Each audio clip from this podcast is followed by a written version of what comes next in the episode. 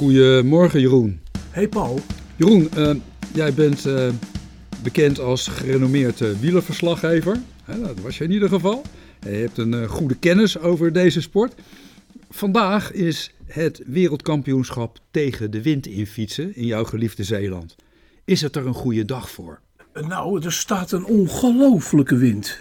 En die eh, komt uit het westen.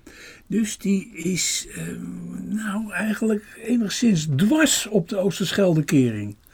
Ze zijn eh, daar behoorlijk getroffen eh, door uh, Corrie, zo heette ze toch, de storm? Nee, dat was vorige week. We hebben, we hebben deze week alweer een nieuwe. Het is vandaag toch? We nemen op op zondag, zondagmiddag. Ja, zeker. En die mensen die fietsen geloof ik ook nog eens op gewone fietsen. Hè? Ja, dat is een, een, een geweldige Zeeuwse folklore.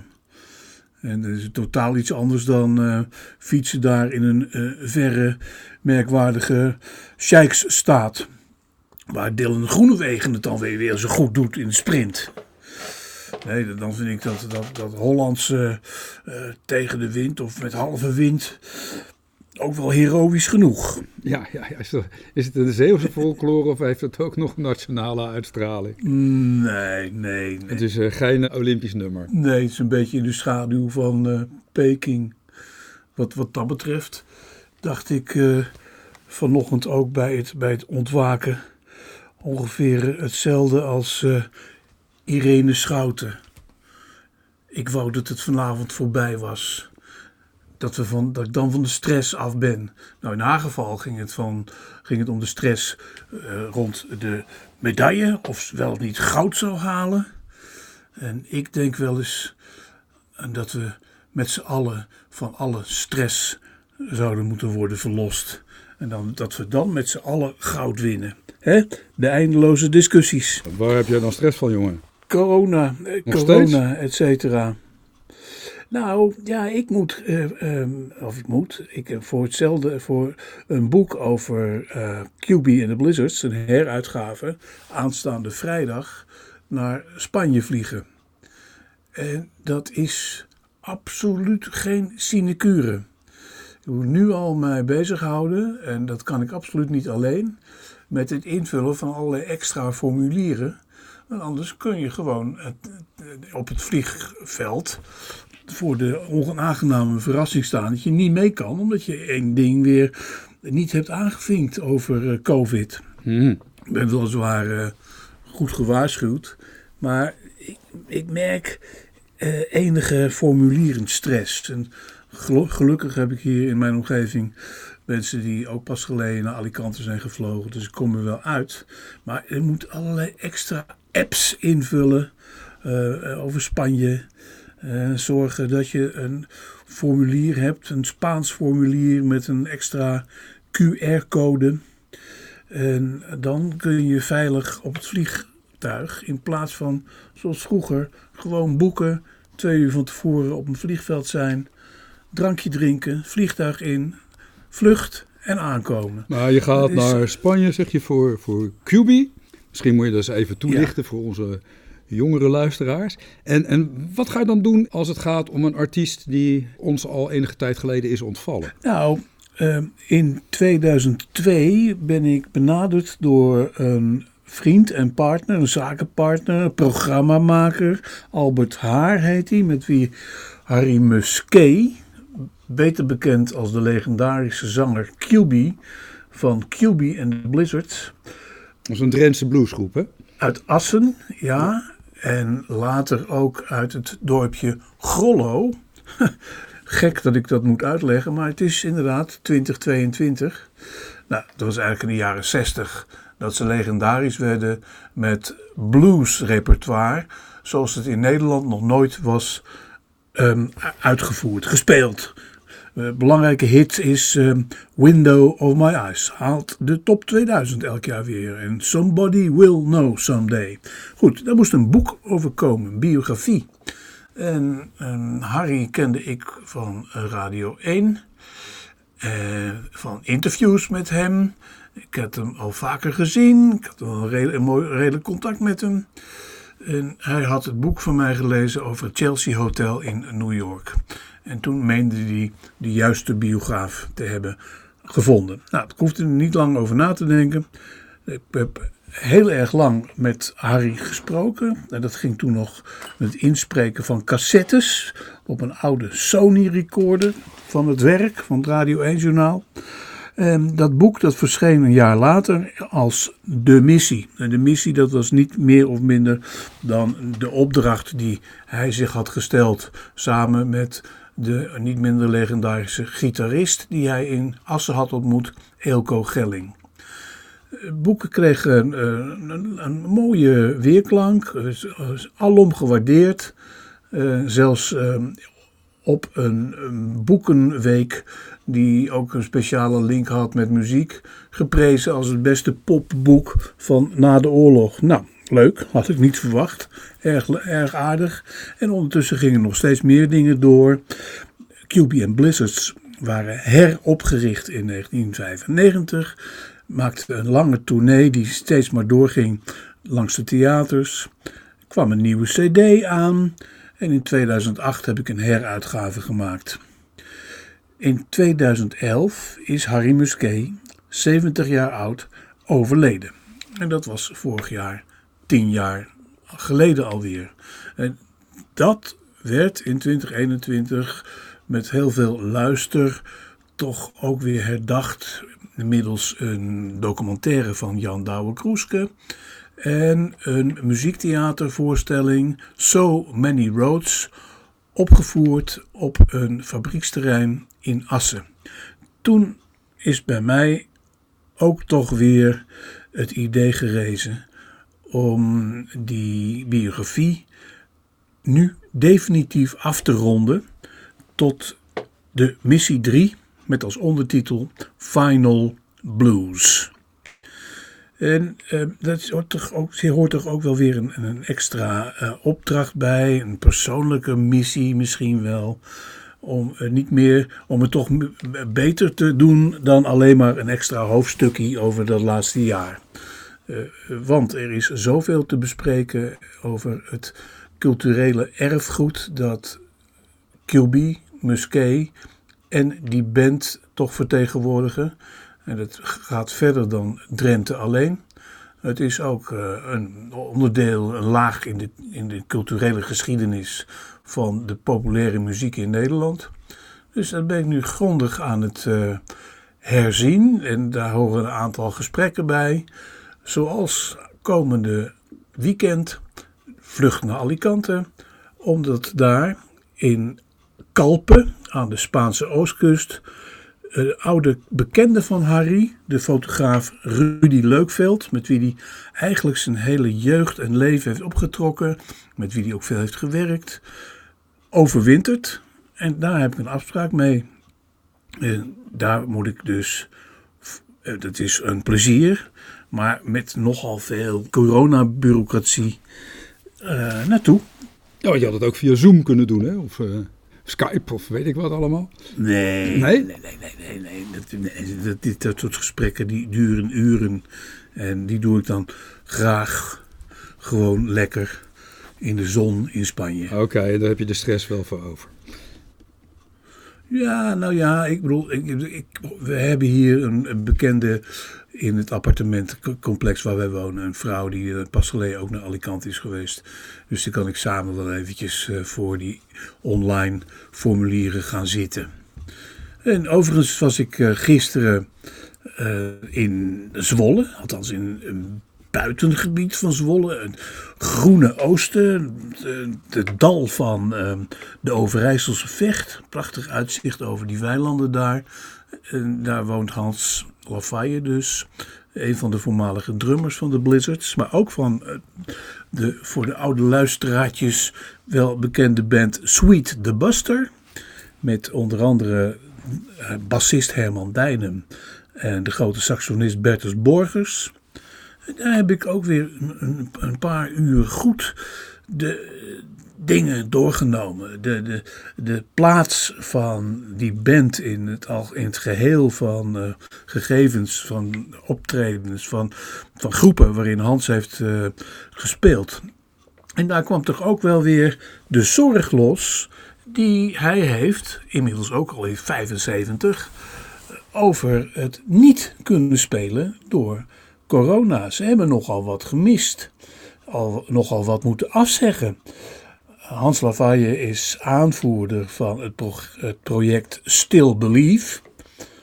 Onder andere ook weer met genoemde Bettesborgers. En daarin gaan ze zalen langs met een repertoire bestaande deels uit nummers van Sweet Buster. Dan hebben we het over klassieke muziek van het eind van de jaren 70. En toch ook een paar nummers van uh, QB and Blizzards. Het aardige gegeven terzijde, uh, wat Hans mij vertelde, is dat um, vooral de jeugd uh, dan zegt geïnteresseerder te zijn in het materiaal van Sweet Buster dan um, QB and Blizzards. Nou ja, ze hopen dat ze weer snel kunnen spelen. En verder gaan ze uh, niet al te militant tekeer, zoals Van Morrison en Eric Clapton. We hadden een vorige hakketak eventjes over die twee. Ik ben er de afgelopen week uh, wat ingedoken en um, heb geconstateerd dat deze oude legenden toch ook wel onderwerp zijn geworden, dan wel centrum van een hele controverse in, de, in het domein van de popmuziek. Uh, Van Morrison heeft zich al in 2020 sterk gekant tegen de lockdowns in Engeland. Uh, vond Eric Clapton aan zijn zijde in het maken van een protestlied tegen die lockdown. En dat heette Stand and Deliver. En um, nou ja, daar zijn langzamerhand hoogoplopende splitsingen in uh, opgetreden. Jij hebt je daar toch ook in verdiept? Hoe dat gegaan is in die, in die popsector? Echt scheuringen in uh, de, de kringen van oude legenden? We hebben vorige week besproken die discussies die ontstonden rondom de podcast van Joe Rogan.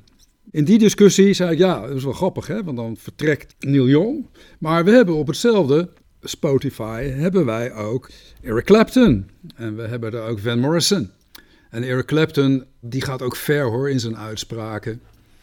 In dit geval uh, is Eric Clapton sterk in conflict gekomen met uh, Robert Cray, de zwarte bluesgitarist met wie hij ook op tournee zou gaan. Ja, die is gevallen over teksten als um, Do you want to be a free man or do you want to be a slave? Do you want to wear the, these chains until you're lying in the grave? Eh? Vrij man of slaaf? In kettingen tot het graf. Dat is overigens niet geschreven door Eric Clapton, maar door Van Morrison. Waar Clapton dan weer de muziek op heeft gemaakt. Waarop Cray op zijn beurt weer aansloeg dat het nergens op gebaseerd is om lockdowns te verbinden aan die zware periode van slavernij uit de 19e eeuw.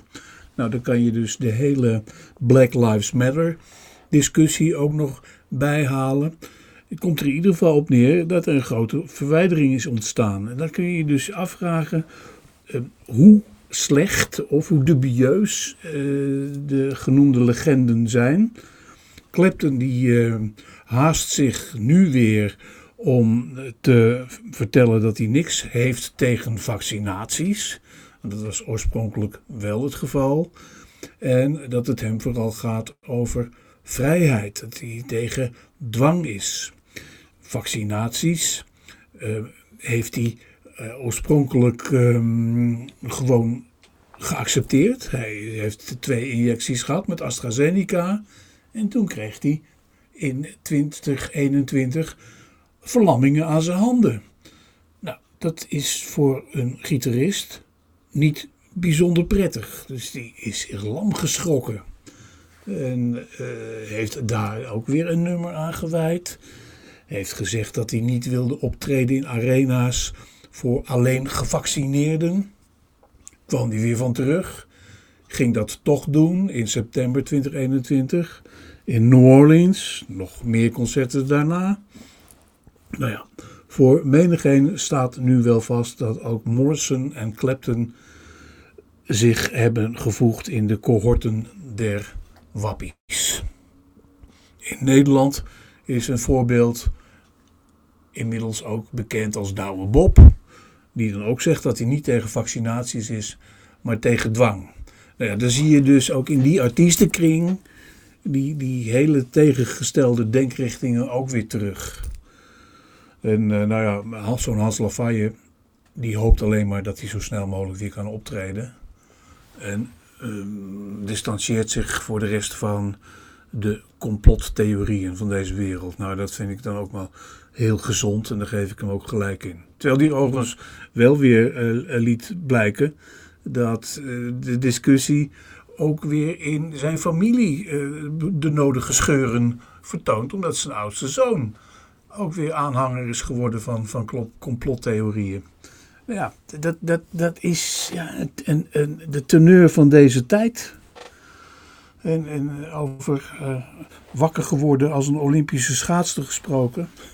ik hoop, ik hoop, en het zal niet in een, in een dag zijn, maar dat het overgaat, dat het verdwijnt.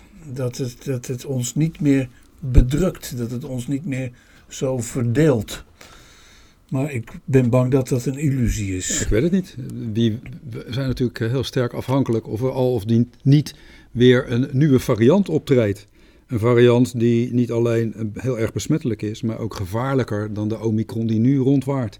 Het blijft altijd een onvoorspelbaar fenomeen, zo'n virus. En uh, ja, je ziet nu de protesten die nemen toe tegen de maatregelen. Mensen raken aan de pandemie gewend.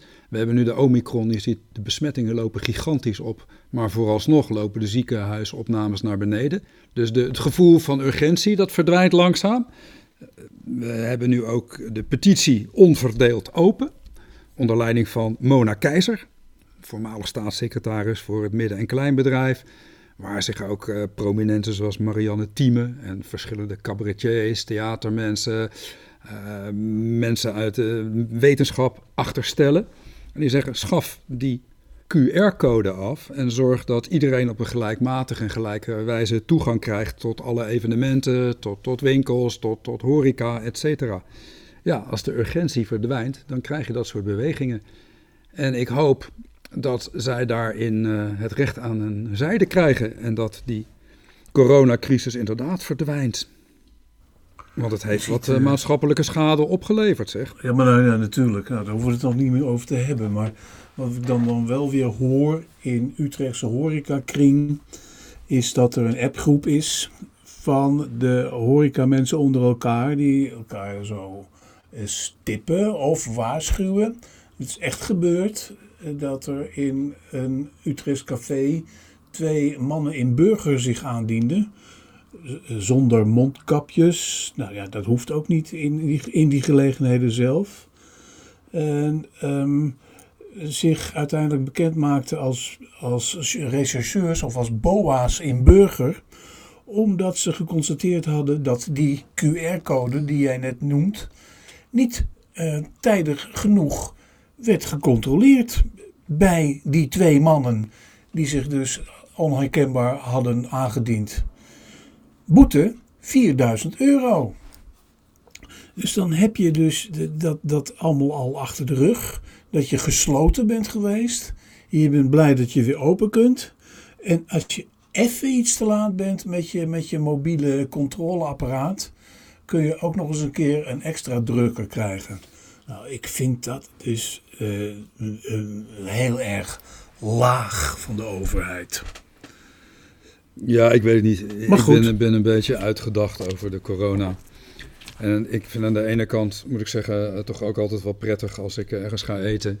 En ik voel me in een omgeving waarin maatregelen in acht worden gehouden. Waar ik, waar ik weet dat ik in een omgeving zit waarin ik niet direct besmet zal raken. Ja, ik hoor ook wel verhalen van, van mensen die ziek zijn en zich niet meer laten testen. Die denken, ah, het is toch niet meer van belang. Lopen zonder meer cafés binnen waar eh, nauwelijks of niet wordt gecontroleerd. Het is toch een probleem. Je moet niet vergeten, er zijn ook ouderen, er zijn ook nog steeds kwetsbare mensen. Ik ken een aantal mensen die ernstig corona hebben gehad.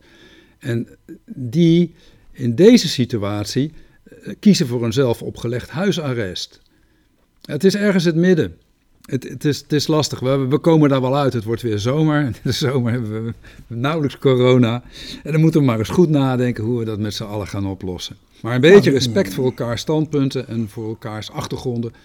En voor elkaars leeftijd, dat lijkt me toch ook wel heel erg belangrijk hoor. Ja, en wat is het meest gezond? Nou, daar hebben ze natuurlijk nu twee jaar lang eh, extra wijsheid over opgedaan in een kwaad dat uh, eerst in zijn omvang niet voldoende of helemaal niet kon worden herkend. dat is nu op een grootschalige manier dan wel bevochten. Alleen dat kwaad van die denkrichtingen, dat, dat, dat houdt me wel bezig. En dat zou iets zijn waar ik graag verlost van zou zijn. Die verdeling, die enorme animositeit, de uh, complottheorieën. Maar Jeroen, die complottheorieën waar, waar je over praat, die zijn niet alleen van de corona. Die waren voor de corona al heel erg ver uh, bezig met infiltreren in de samenleving. Ja, we hebben het al vaker en, over gehad. En als deze corona verdwijnt, dan zijn er weer onderwerpen waar um, complottheorieën aan worden verbonden. Ja, ja, nou, ja, Ik zeg altijd, eh, je ziet om je heen dat het vertrouwen in de overheid aan het verdwijnen is. We krijgen nu lokale verkiezingen. Nou, lokaal is het vertrouwen nog net iets groter dan uh, nationaal. Maar er zijn toch telkens weer berichten die mensen het vertrouwen in politici doen verliezen. Deze week weer. De rechter die tegen de Belastingdienst zegt: uh, Bent u nog wel geloofwaardig? De Belastingdienst eigenlijk min of meer van, van het pesten van een ondernemer beticht. Ja, dat, dat die 400 blauwe enveloppen heeft gekregen. Ja, die man heeft 400 aanslagen gekregen.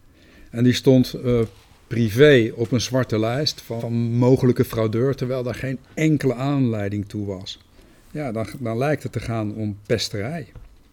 En het is natuurlijk bizar dat een rechter een belastingdienst als geheel moet veroordelen wegens uh, onterechte aanslagen, wegens het illegaal plaatsen op een zwarte lijst, wegens het uh, niet tijdig overleggen van stukken. Ja, dat is, dat is een slechte zaak. En dat is het zoveelste in een rij. De inspecteur sputte er nog tegen, maar dat had bij deze rechter geen gehoor. Want die heeft zich toch ook in ongehoord felle bewoordingen over de Belastingdienst uitgesproken.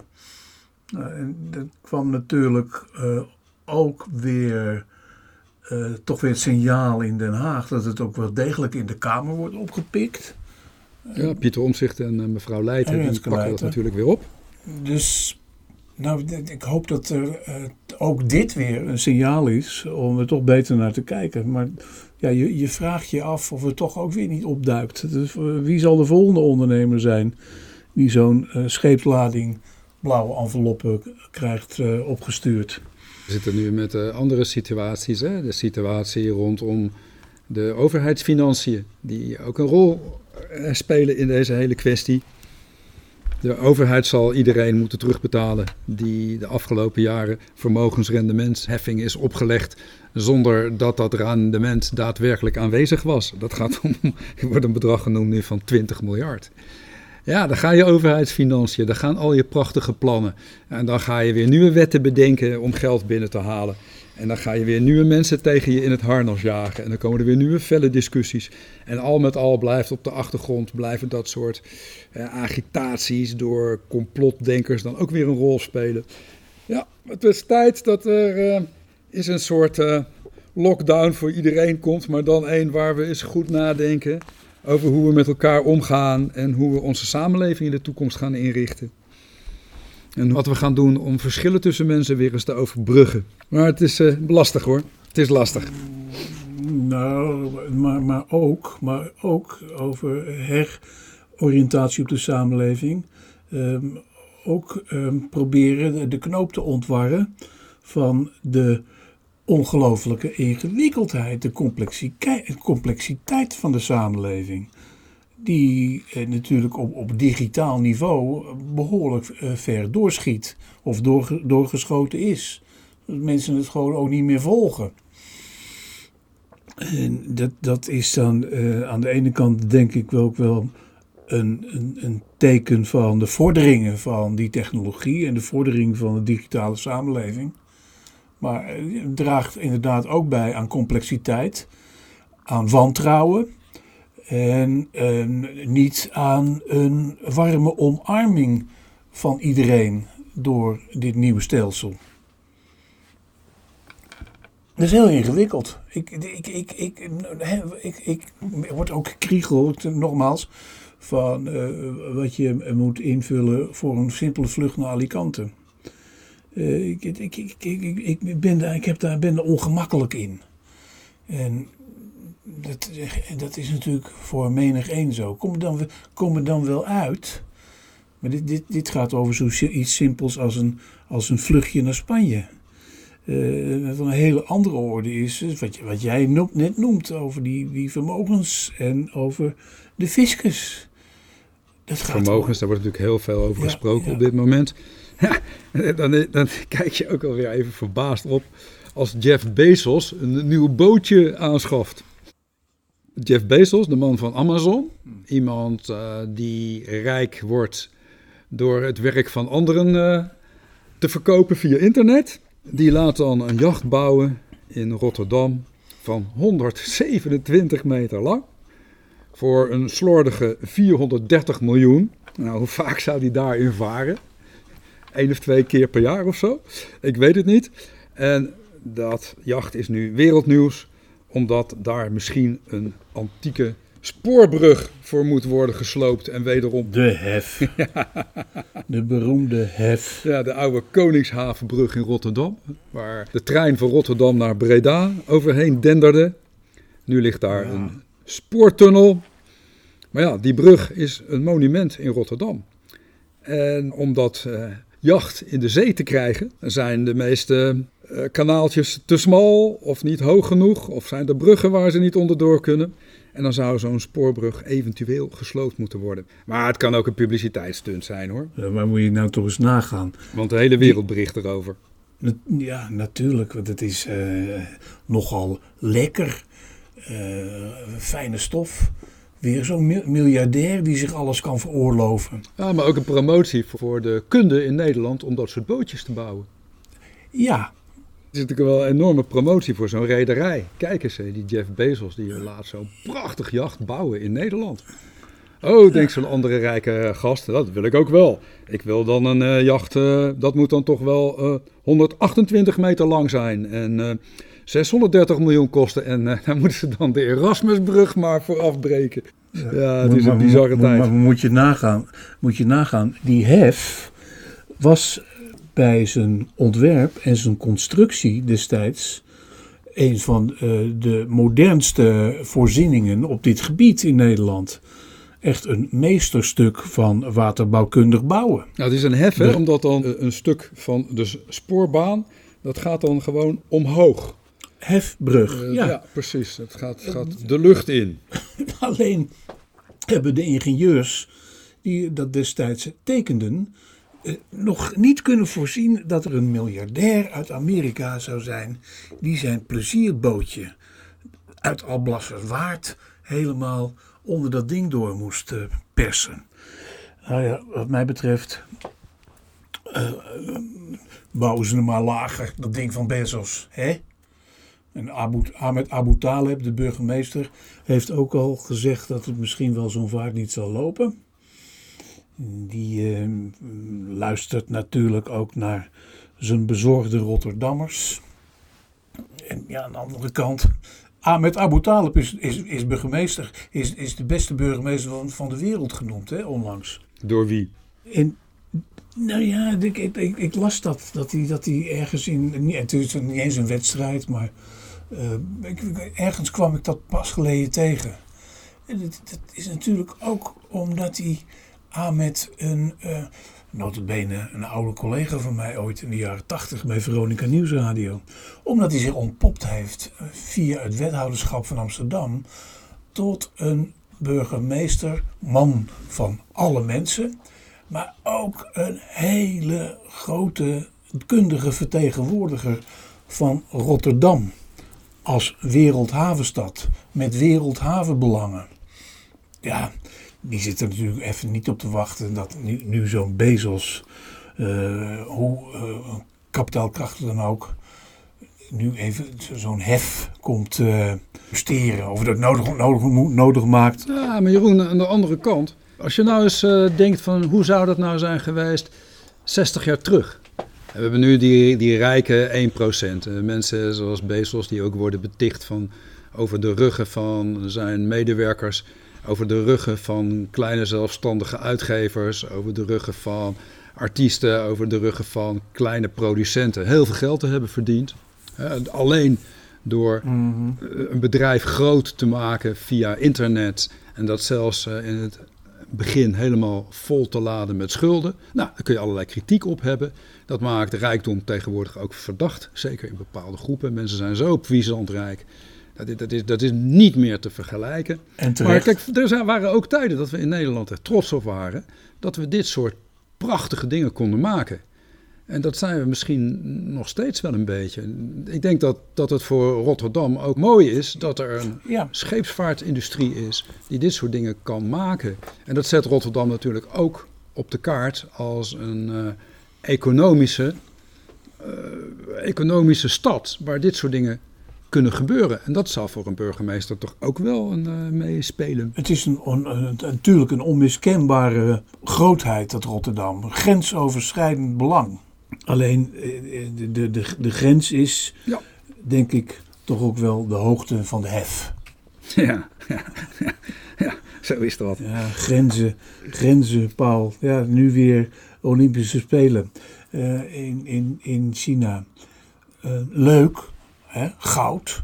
En uh, de berichtgeving in in het vaderland uh, wordt natuurlijk ook weer helemaal omgegooid.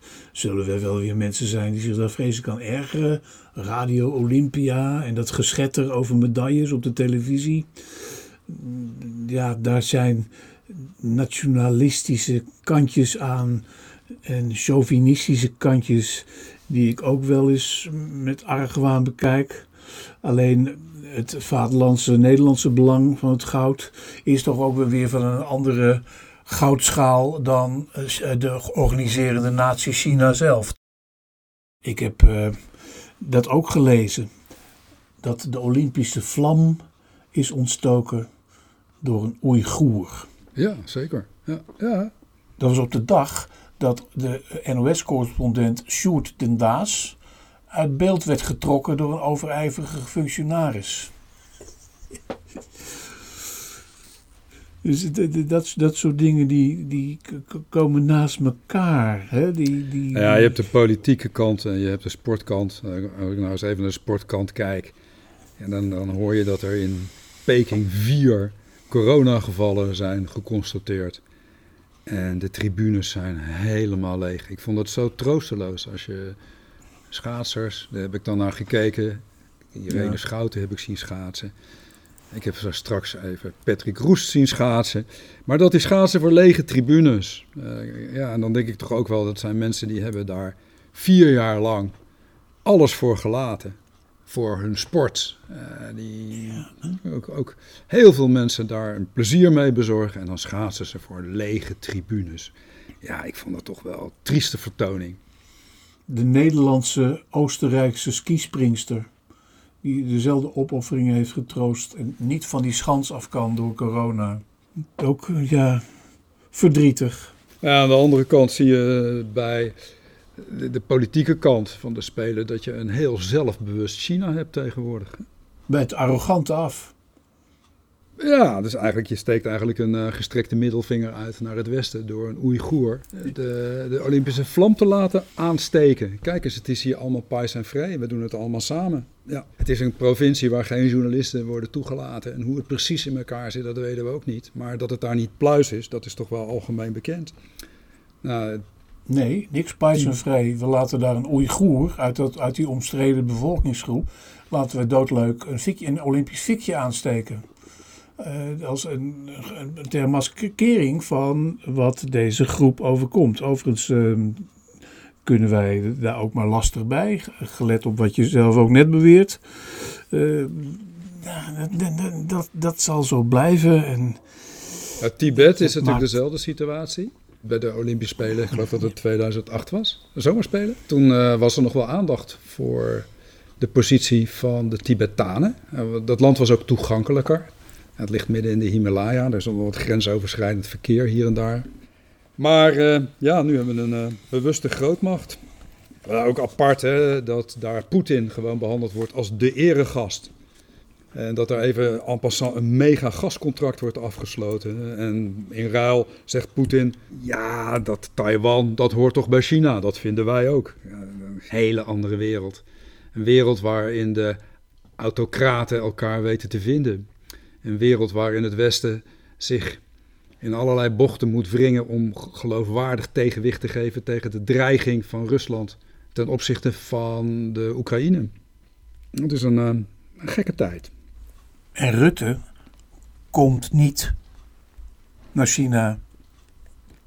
Ingewikkeld, zegt de premier. Ze willen zich daar gewoon niet vertonen. Uh, de koning is er ook niet. Nee, maar wat doen we aan de handel met China? Wat doen we aan het feit dat als je een onderdeeltje nodig hebt, je aangewezen bent op China? De westerse economie is volledig afhankelijk van de Chinese economie. En hoe, hoe kan je dat oplossen als je uh, gaat uh, investeren in, in van alles en nog wat, maar niet in je maakindustrie? Uh, als je nog steeds de dingen gaat kopen daar waar ze het goedkoopste zijn. En waarom zijn ze daar het goedkoopste? Omdat menskracht daar het goedkoopste is. Dat, dat dus. Natuurlijk zijn er allerlei beletselen en, en, en, en sepsis en, en argwaan en terughoudendheid. maar het is, het is uh, wel Holland om de schaatsers en uh, de shorttrackers het goud daar te laten behalen. Maar van regeringswegen, van regeringswegen afwezig te blijven. Dat, dat, vind ik ook, dat vind ik er ook zo dubbel aan. Nou ja, het is natuurlijk toch een belediging voor Xi Jinping. Het is toch een belediging voor China. En als autocraten iets belangrijk uh, is, is het erkenning. Ja, en, en, dan, sleur je, dan sleur je shoot en daas maar voor de camera's weg. ja. China ja, ja, waarschuwt Nederland voor de laatste keer. Nou, laten we daar maar eens twee weken over nadenken. Want volgende week zit jij in Spanje. Toch? Is goed. En dan, hebben we over, en dan gaan we over twee weken gaan we weer eens uh, praten over wat er allemaal gebeurd is in de tussentijd. En dan laten we dit dus rustig op ons inwerken. Kijk wel naar de medaillespiegel hoor, af en toe. Ook in Spanje. Zo is dat. Hey Jeroen, tot uh, over twee weken. Tot gauw. En uh, geniet van je vlucht. Ja, en ja, blijf ja. gezond. Hoi. Hoi.